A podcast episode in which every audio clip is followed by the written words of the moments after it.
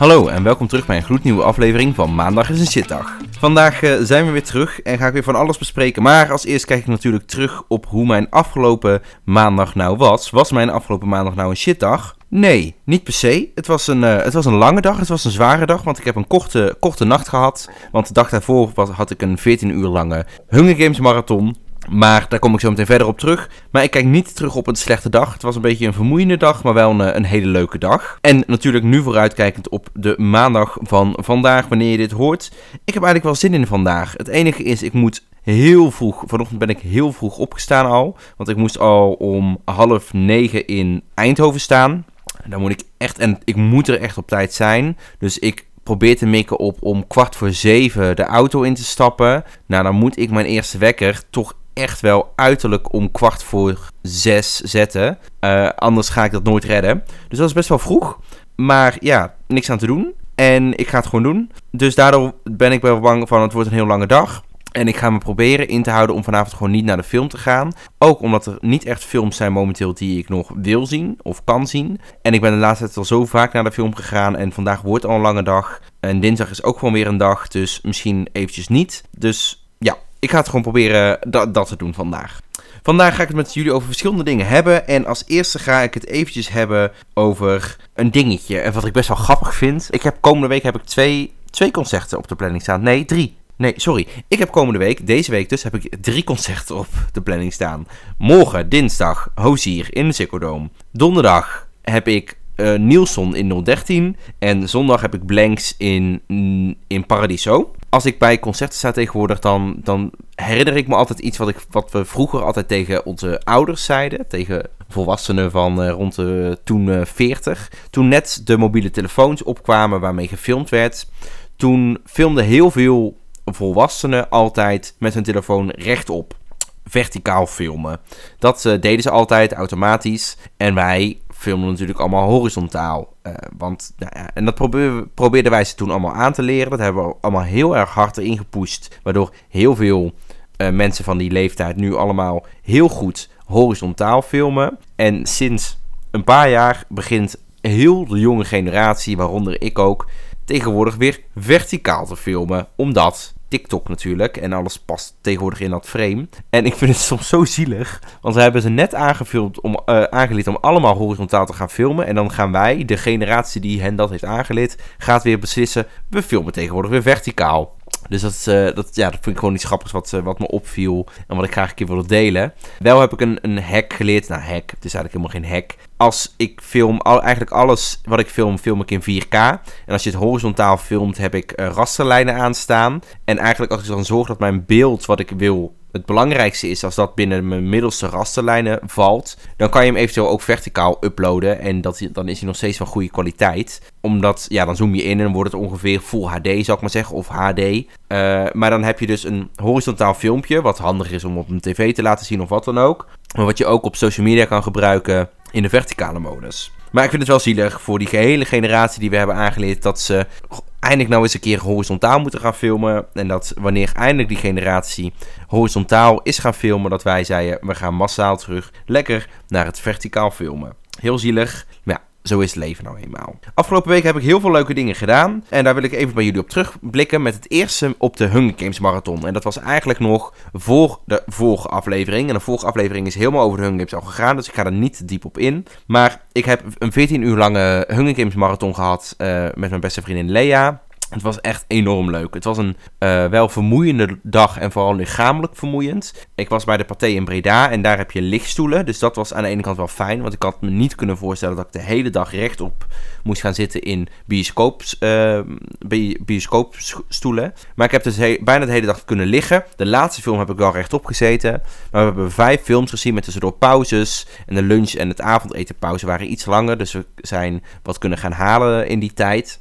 En ik heb dus alle films gezien in de bioscoop, allemaal achter elkaar, alle vijf. En het was, het was echt heel leuk. Het was leuk om de films in de bioscoop te zien, want ik had dus de eerste paar had ik nog nooit in de bioscoop gezien. En ja, de nieuwe heb ik toen voor de tweede keer gezien. Dus dat was, uh, het was een hele leuke dag. Uh, een beetje vermoeiend, maar heel gek. Mentaal was het natuurlijk een beetje vermoeiend. Alleen fysiek was ik wel helemaal uitgerust. En ik ben uiteindelijk uh, maandagavond alsnog nog een keer naar de Hun Games gegaan. In IMAX in Antwerpen, want ik had hem nog niet in IMAX gezien. En hij is toch wel echt heel erg gaaf in IMAX, moet ik zeggen. Nog gaver dan normaal is hij in IMAX echt nog een stuk gaver. Uh, in Antwerpen en daar hadden ze ook heel gave Hunger Games in de, in de stijl, zeg maar, popcornbakken. Ja, die heb je natuurlijk weer niet in Nederland. Maar in Antwerpen wel. Kostte me 10,20 euro of zo, maar ik heb hem wel gekocht en hij is echt, echt heel mooi. Uh, maar ik merkte tijdens die avond dat ik echt... Ja, ik had gelukkig op, de wer op mijn werk de hele dag gestaan, want ik had les gegeven de hele dag, dus dan sta je de hele dag. Maar toen s'avonds zat ik in die stoel en ik zat echt heel onrustig. Ik kon, ik kon niet stilzitten, omdat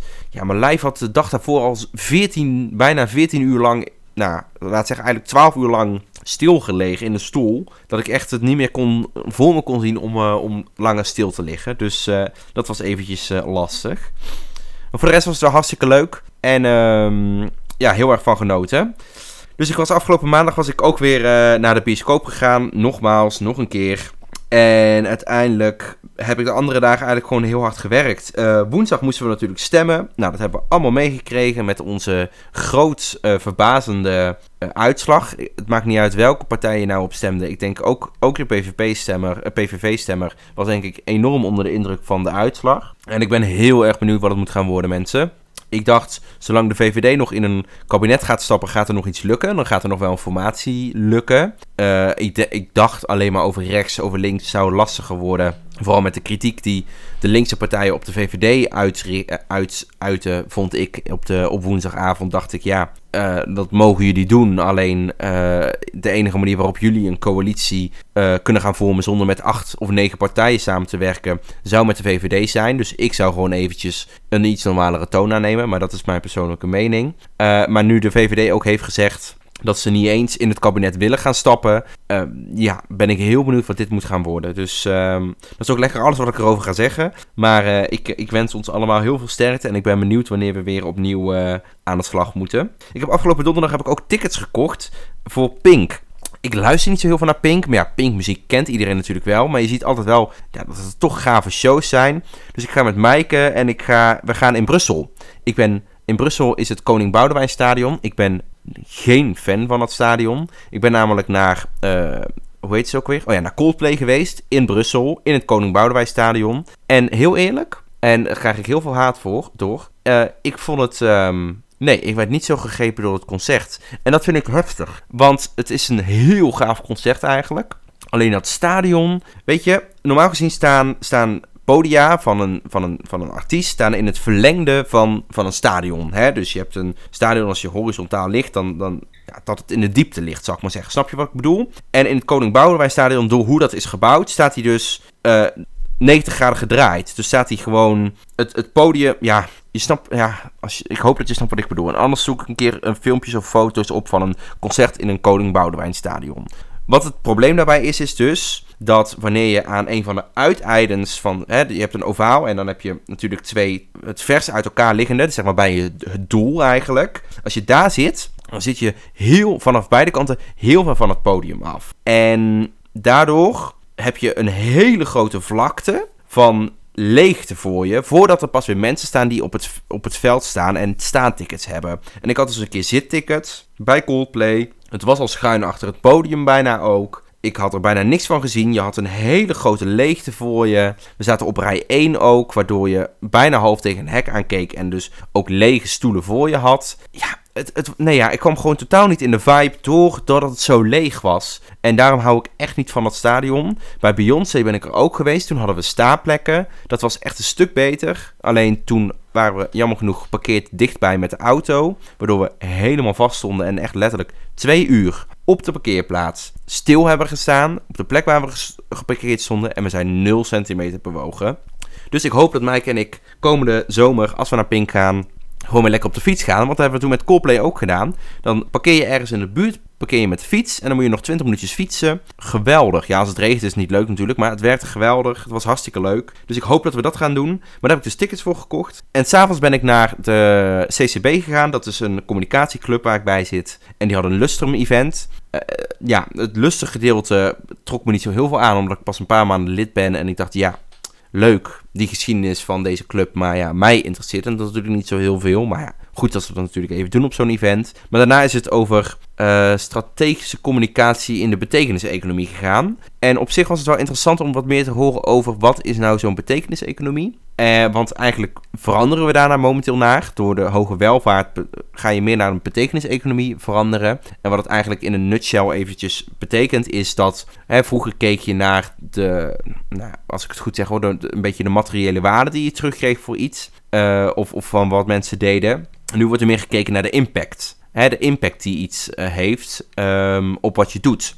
En met, met wat je doet, zeg maar. En dat is wel interessant. En ik merk dat ik daar in mijn werk eigenlijk al vaak best wel heel erg veel mee bezig ben. Dus het was wel interessant om daar wat meer over te horen die avond. En ook in een van mijn opdrachten past dat ook heel erg goed. En moeten we daar ook echt mee bezig met die betekeniseconomie. Dus dat was wel interessant om dat die avond te horen.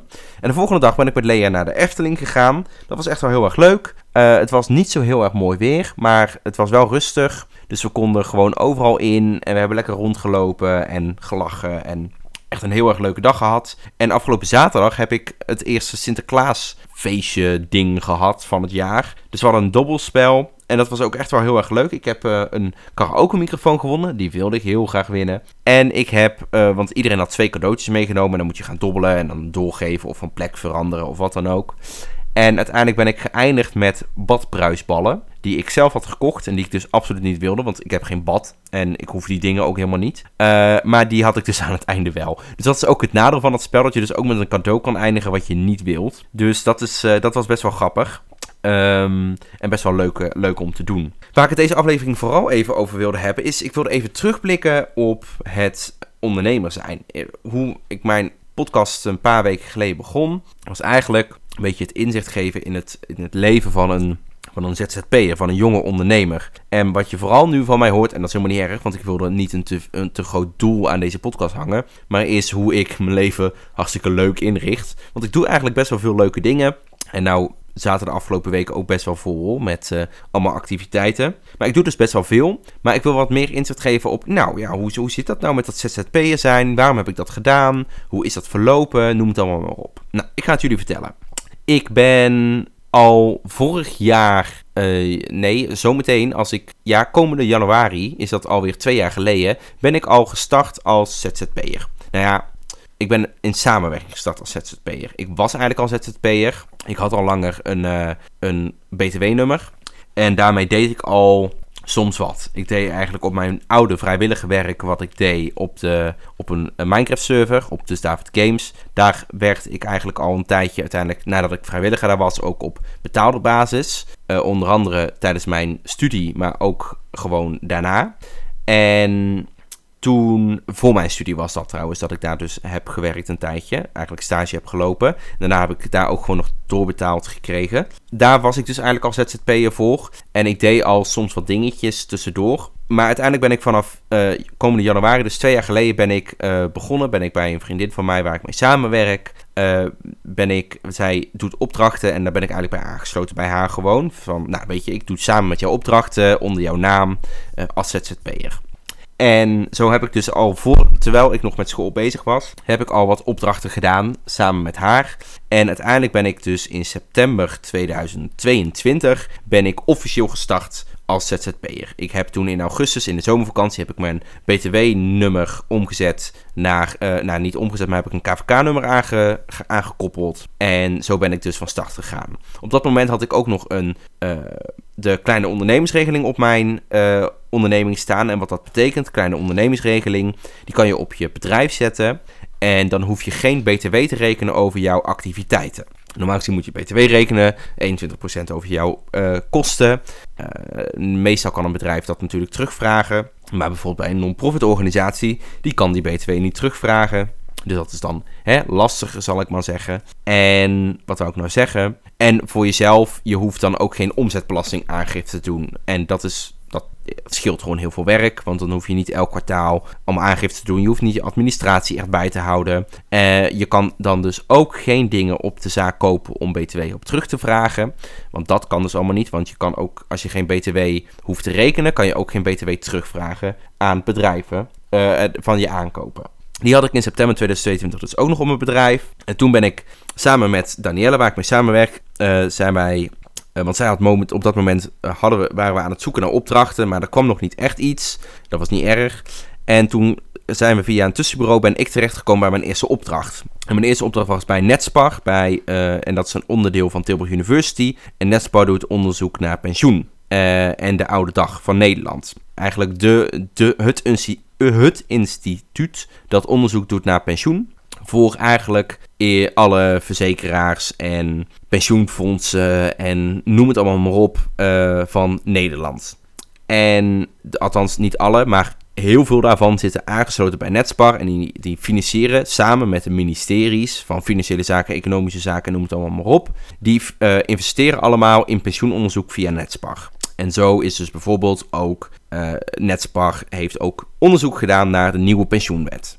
die, uh, er is een, voor degenen die het niet weten, er is afgelopen jaar, dit jaar is de nieuwe pensioenwet door de Kamer heen gekomen, door de Tweede Kamer. En ik dacht ook, ja, ook door de Eerste Kamer, een nieuwe pensioenwet. Daarmee gaat het pensioenstelsel veranderen. Als je daar meer over wil weten, kan ik het of een keer in een podcast vertellen, of je kan een keer op internet kijken hoe dat nou precies zit om eventjes te kijken naar PV, uh, de, het verkiezingsprogramma van de PVV. De PVV wil die beslissing weer terugdraaien. Ik wens ze heel veel succes. Um, daar ben ik dus gestart en ik startte daar eigenlijk als communicatiemedewerker voor anderhalve maand lang, vanaf 1 september, nee 5 september officieel gezien of zo. En ik zou daar anderhalve maand of twee maanden werken, eigenlijk ter overbrugging van een communicatiemedewerker die daar wegging, tot een uh, nieuwe. Want er zou daar een nieuw iemand starten. Alleen, het was één dingetje. Ik kwam 5 september binnen. Uh, toen heb ik een paar dagen inwerktijd gehad met de oud-medewerker die daar dus wegging. Want die was eigenlijk op 1 september ergens anders gestart. Maar ik ging toen een paar dagen later meteen al op vakantie naar New York. Maar ja, die vakantie stond al gepland. Uh, dus toen dacht ik er weer twee weken uit.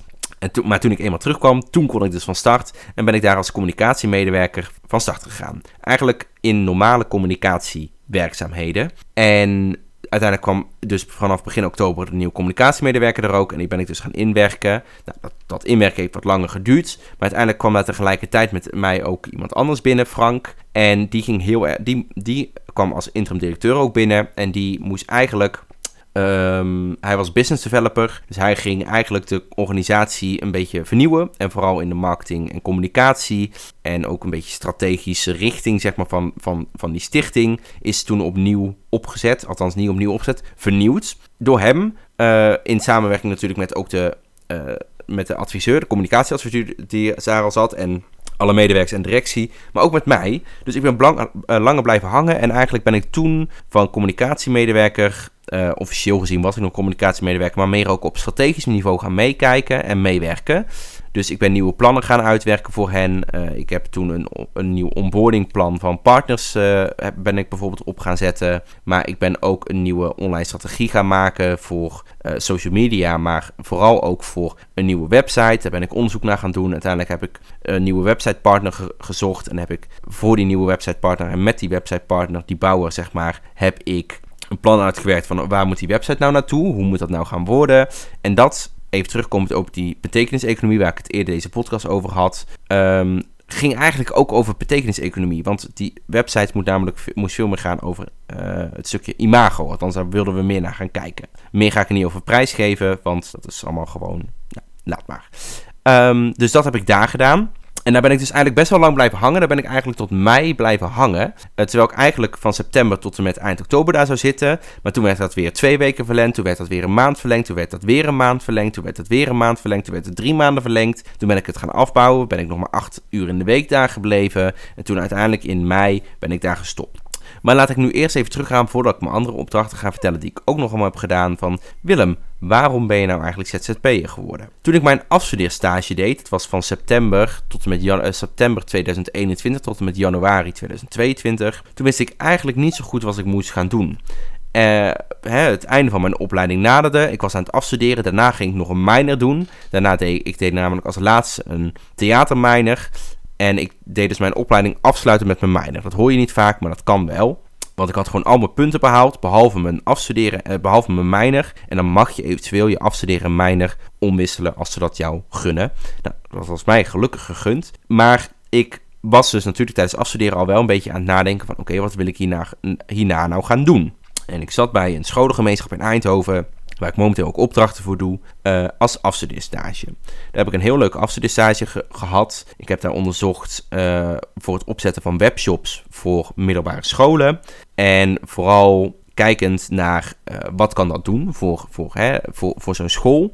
Um, maar ook wat betekent dat voor je marketing en communicatie? Maar daarnaast ben ik het ook gaan integreren uh, in hoeverre dat kan, dat leerlingen ermee bezig gingen. Dat het dus in een onderdeel werd van het lesprogramma. En daar heb ik eigenlijk alle kanten van uitgezocht. Dus ik heb inderdaad gezorgd dat het werd opgericht, dus dat, er ook, hè, dat, het werd ontwikkeld. De website zou ik maar zeggen, maar ook de producten, maar ook de strategie van uh, social media, zeg maar. Maar dus ook uh, hoe het in het lesprogramma zou verwerkt kunnen of moeten worden. En daarmee heb ik eigenlijk een, een, plan afgerond toen aan mijn einde van mijn stage. En de webshop stond klaar. Dus hij kon ook met de eerste basisproducten en uiteindelijk een adviesplan van mij voor de verdere ontwikkeling ervan kon die opgericht worden. En op uh, één school is hij uiteindelijk goed gaan lopen. Daar loopt hij nog steeds. En op een andere school is het eigenlijk een beetje jammer genoeg doodgebloeid. Uh, maar dat was dus best wel leuk. En eigenlijk in die periode ben ik dus uh, leerde ik Danielle kennen. Want die werkte daar als, die werkte daar als interim communicatieadviseur, als ZZP'er. En ik had een hele goede klik met haar. En daardoor ben ik dus sinds januari 2022 in dat al een beetje op de achtergrond naast mijn opleiding communicatieadviseur zijn als ZZP'er gerold. En eigenlijk door Danielle ben ik daarin doorgerold. En dus na de zomervakantie echt gestart als communicatieadviseur, medewerker toen bij Netspar. En heel veel mensen die vroegen aan mij: Oh, Willem, durf je dat wel als ZZP'er starten, nog zo jong en als je net van, van dingen afkomt? Maar weet je, die september, ik woonde thuis bij mijn moeder. Um, ik begon net met werken. Waarom zou ik het op dat moment niet doen? Wat houdt mij tegen om nu te starten als ZZP'er? Te gaan ontdekken, een organisatie binnen te stappen, misschien wel in een paar jaar heel veel organisaties binnen te, binnen te gaan stappen, zonder dat iemand je aankijkt en zegt: Hey Willem, wat heb jij bij veel organisaties gezeten? Want het is juist het doel van ZZP'er zijn dat je bij verschillende organisaties binnenstapt. Maar als jij normaal in loondienst gaat en jij stapt in drie jaar bij tien verschillende bedrijven binnen, zeggen ze: Hallo, wat doe jij nou allemaal? En nu als ZZP'er zouden ze zeggen: Zo, jij hebt zo'n mooie opdrachten gehad. Dus wat houdt je tegen om nu je jong bent, nog lage kosten hebt, nog geen kinderen hebt, nog geen hond hebt, nog geen weet ik veel wat, om te starten als ZZP'er? nou, niet iedereen is het met mij eens daarover. Maar ik wel met mezelf. Dus dat heb ik gewoon gedaan. Waarom niet? Waarom zou je nu niet die stap zetten om iets te doen wat jou leuk lijkt? Net nu je bent afgestudeerd, nu je nog totaal geen verplichting aan de wereld hebt, nu je nog geen hypotheek hebt, waarom zou je dan nu niet juist hetgene doen wat je altijd zo leuk zou lijken? Of waar je misschien eerst van dacht van, moet ik dat nou wel doen? Ja, dat moet je nou doen. Als jij nu van je opleiding afkomt en jij bent opgeleid tot verloskundige, maar het lijkt jou eigenlijk helemaal niks. Waarom zou je dan nu niet iets anders proberen? Weet je, als, als, als het jou niks lijkt, maar je hebt wel dat papiertje, dan kan je altijd nog terugvallen. Als het niet lukt, dan stap je terug en dan ga je verloskundige worden. En dan ga je dat doen. En dan word je daar misschien niet gelukkig van, maar dan kan je ondertussen weer naar iets anders op zoek. Maar je hebt het wel geleerd en je kan het. Maar waarom zou je dan nu, wanneer je nog geen verplichtingen hebt, starten met iets waar je niet zin in hebt? Waarom zou ik nu in loondienst gaan, in een organisatie terechtkomen, wat helemaal prima is, wat misschien bevalt, wat misschien niet bevalt. Maar als ik net zo goed van organisatie naar organisatie nu kan hoppen, wat soms echt wel jammer is dat ik weg moet bij een organisatie, maar waarin ik op korte tijd, op hoog tempo, waar er enorm veel van me verwacht wordt, want als ZZP'er wordt er veel van je verwacht, en ik word uitgedaagd, waarom zou ik dat dan nu niet doen? Naast dat het natuurlijk ook iets beter verdient dan normaal in loondienst gaan, maar vooral die ervaring die ik nu als ZZP kan opdoen in mijn jonge jaren. Nou, dat, nou, punt. Ik hoop dat je me nou begrijpt waarom ik zo ben gestart. En natuurlijk, er komt hartstikke veel bij kijken. Als ik nu uitval, dan heb ik een probleem. Ik, uh, je pensioen moet je zelf regelen. Je moet allemaal verzekeringen afsluiten. Je moet je KVK, je moet je bedrijf opstarten. Dus het moet ook, het moet ook je ding zijn. Maar als je er een keer aan, aan denkt, van, ach, waarom zou ik eigenlijk niet ZZP'er worden? Ga het gewoon doen. Of ga bij je normale werkgever vier dagen in de week werken. En ga één dag in de week ergens aan de slag als, als, als ZZP'er. Er zijn zoveel bedrijven waar je één dag in de week, waar ze gewoon één dag in de week een interim zoeken. Dat is bij mijn opdracht bij de gemeente momenteel ook. Ik werk daar acht uur in de week. Daarna zou ik gewoon een fulltime baan kunnen hebben. En dan is het fiscaal misschien altijd niet even, even handig om, om het werk en het ZZP'er te combineren. Maar dat, dat, daar zijn manieren op te vinden. En ook al probeer je het gewoon, weet je. Ook al dan zoek je gewoon een opdracht van een half jaar of van drie maanden. En dan ga je dat gewoon een keer doen. En als het je bevalt, dan ga je ermee door. Als je het niet bevalt, ga je er niet mee door. Je hoeft ook dus niet meteen die bij je KVK in te schrijven. Vraag gewoon alleen een BTW-nummer aan en, en factureer vanaf dat BTW-nummer. Dat is ook prima. Dus dat, ja, doe het gewoon, is, is mijn motto daarin. En het is wennen.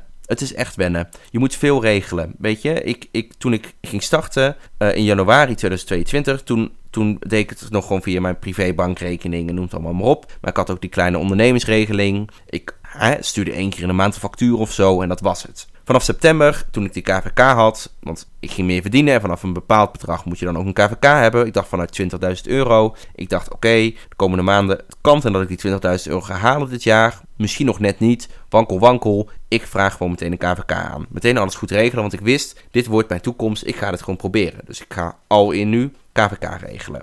Toen heb ik ook meteen gezegd, ik wil meteen ook die rekeningen splitsen, zodat het gewoon duidelijk voor mezelf is. Ik ga toch een rekening, een ZZP-rekening aanvragen, een bedrijfsrekening. Want eigenlijk wilde ik het eerst niet doen, maar via daar kon ik ook meteen of een beroeps- of een bedrijfsaansprakelijkheidsverzekering aanvragen. Een van de twee. Want dat kon nog via Interpolis, via Rabobank. Dus berekening erbij. Facturen omgezet, e-boekhouder.nl als administratie in de basis. En gewoon starten en gewoon doen. Zo ben ik de eerste maanden gewoon gestart. En het was echt even wennen in het begin. Vooral ik, uh, in de organisatie in Netspar waar ik toen zat. Ik zat één dag in de week zat ik fysiek op locatie. Vier dagen in de week, uh, nee, en drie dagen in de week werkte ik thuis. Want ik zat daar als het goed is 32 uur. Ja, ik zat daar 32 uur in de week. Daarnaast deed ik ook nog met Danielle samen een andere opdracht tussendoor, soms eventjes. Wat ook hartstikke leuk was. Dus in principe had ik sommige weken vijf dagen in de week werk. En sommige weken had ik vier dagen in de week werk.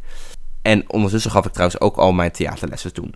Alleen ik merkte wel, ik werkte dus bij die opdracht best wel veel thuis. En bij deze opdracht waar ik nu heb, werk ik veel meer op locatie. Werk ik eigenlijk bijna nooit meer thuis. Soms wel, maar heel veel werk ik op locatie. En het was best wel even wennen toen. Vooral ook omdat ik nog bij mijn moeder thuis woonde. Weet je, mijn bed en mijn bureau met mijn computer stonden in één ruimte. Oftewel, ik lag heel veel in mijn bed. Of van vanuit mijn bed te werken. Of als ik eventjes aan het werken was en ik ging even pauze houden, stapte ik heel makkelijk mijn bed in. Rolluiken naar beneden. En ik, eh, toen, toen kwamen de wintermaanden er al heel snel aan. Ja, het, het werkte gewoon niet. Ik deed mijn werk wel. En, en ik, ik maakte mijn uren en ik deed mijn werk. Alleen het, het was mentaal voor mij niet altijd even goed. En dat kwam niet door de werkomgeving, dat kwam gewoon door mezelf en om wat voor omgeving mijzelf zetten. Ik bedoel, ik had ook meer naar locatie toch kunnen rijden of wat dan ook. Maar dat, dat, ja, dat deed ik gewoon te weinig. En dus het duurde best wel eventjes voordat ik in die draai kwam. Ook omdat je je eigen uren indeelt. Ik bedoel, als ik smiddags niet wilde werken, maar ik wilde s'avonds werken, dan kan dat. Want ik ben ZZP'er. Bij die organisatie kon het ook, maar ik ben ook ZZP'er. Dus er zit, zit altijd meer tolerantie op om daar een beetje je eigen weg in te gaan. Dus daarin was ik zo flexibel. En dat is het enige nadeel, dat je wel een beetje tegen die flexibiliteit moet kunnen. Als je dat niet kan, dan moet je gewoon in vaste loondienst gaan en gewoon van, van 8 tot 5 op het, op het kantoor gaan zitten en, en, en die structuur in jezelf zetten. Nou, hou ik ook niet zoveel van structuur, dus op zich is het prima voor mij, alleen ik moet er wel mee leren om te gaan. En dat duurde echt wel een paar maanden en pas sinds eigenlijk begin 2023 had ik die structuur een beetje gevonden en ben ik daar wat beter in terecht gekomen en ging dat wat beter. En toen uh, gingen, mijn, gingen mijn uren bij mijn opdracht bij Netspar omlaag. We gaan door met dit, uh, met mijn opdrachten. Toen ging ik vanaf maart, had ik opeens allemaal keuzes die ik kon maken. Ik kom bij deze opdracht, ik kom bij deze opdracht en ik kom bij deze opdracht. En bij die ook. Ik ben toen vanaf maart bij, aan de slag gegaan bij de gemeente. En tegelijkertijd ook weer bij de opdracht waar ik die, bij die scholengemeenschap. Dat was dus allebei. Tegelijkertijd ben ik daar gestart.